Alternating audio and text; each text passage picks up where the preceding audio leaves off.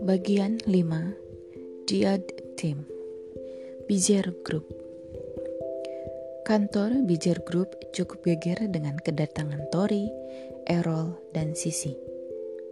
Mereka cukup menonjol dengan gaya nyentrik kontradiktif antara mereka bertiga. Errol yang seperti preman, Tori yang bergaya pangrok, Sisi yang eksotis. Mereka jadi pusat perhatian ke mana pun mereka melangkah. Mereka disambut Budiman dan menyalami dengan senang. Sudah terbiasa dengan Tori, tetapi tetap saja belum biasa, apalagi setelah melihat Errol. Selamat pagi Tori, Sisi. Ini asisten gue, Errol.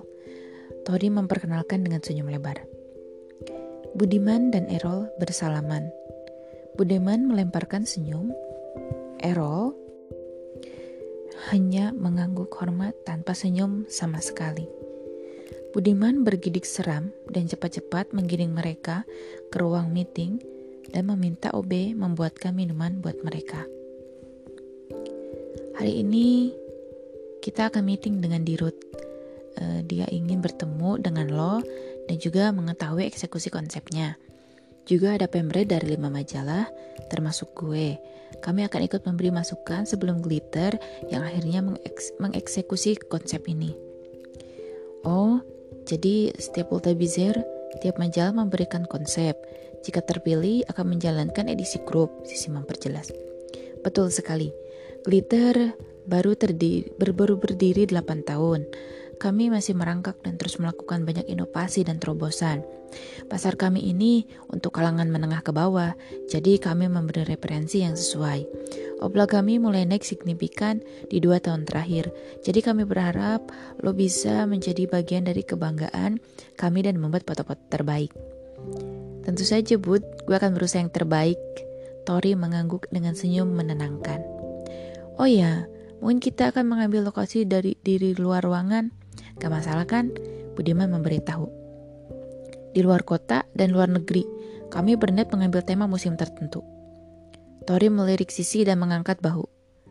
Selama ini, tidak keluar biaya dari sisi kami, gua gak masalah. Tori menatap Budiman sambil tersenyum simpul. Tentu saja, ada di kontrak bahwa bayaranmu hanya jasa. Di luar itu kami yang tanggung selama buat keperluan pemotretan, Budiman menenangkan dan menjelaskan dengan transparan. Bagus, berarti termasuk kru gue. Betul, Sisi sudah bernegosiasi dari awal. Wah, dia benar-benar negosiator yang alot. Budiman tertawa pada Sisi, Sisi hanya tersenyum lebar saja. Tiba-tiba pintu terbuka dan serombongan orang memasuki ruangan dengan ekspresi tegang. Mulai duduk di kursi dengan gelisah. Mereka tambah tegang setelah melihat tim fotografer yang hadir. Maaf, kalau meeting dengan Pak Direktur memang selalu menegangkan. Suara Budiman mendengung pelan nyaris berisik. Kenapa? Orangnya tipikal bos galak, suka nuntut banyak hal. Balas sisi sigap. Aduh, lebih. Dia itu iblis. Budiman berjengit ngeri masih dengan berbisik. Bayangan seorang atasan pria tua, tampang menyebalkan, angkuh, pendek, botak, dan gendut buncit karena seluruh hidup dihabiskan untuk menindas orang banyak, seperti diktator. Saat semua tempat sudah terisi, akhirnya pintu terakhir dibuka. Pria tinggi tegap, dengan rambut gondrong diikat di belakang kepalanya, jasnya yang mahal melekat pas di tubuhnya. Tori menatap pria itu dengan mata terbelalak. Coba playboy angkuh, dia bos bijar grup. Tori menganga tak percaya sambil terbelalak kaget. Wah, bagaimana bisa? Baik, kita mulai meeting kita. Budiman, kenalkan tim fotografer. Loh, Ara menatap ke arah Budiman dan terbelalak melihat sosok di samping Budiman, si cewek preman. Tori bangkit dari tempat duduknya dan berdiri dengan formil sambil tersenyum tenang. Perkenalkan, nama saya Victoria Akbar. Tolong panggil saya Tori. Ini asisten saya Errol dan manajer saya Sisi. Tori menatap Aro tenang dan menunggu Aro mengendalikan dirinya. Ia ternganga akan Tori adalah hantu di siang bolong. Menyadari sikapnya yang konyol, Aro berdehem dan kembali bersikap penuh wibawa dan dingin. Aro hanya menatap Tori tajam, yang dibalas menatap dengan sinar geli.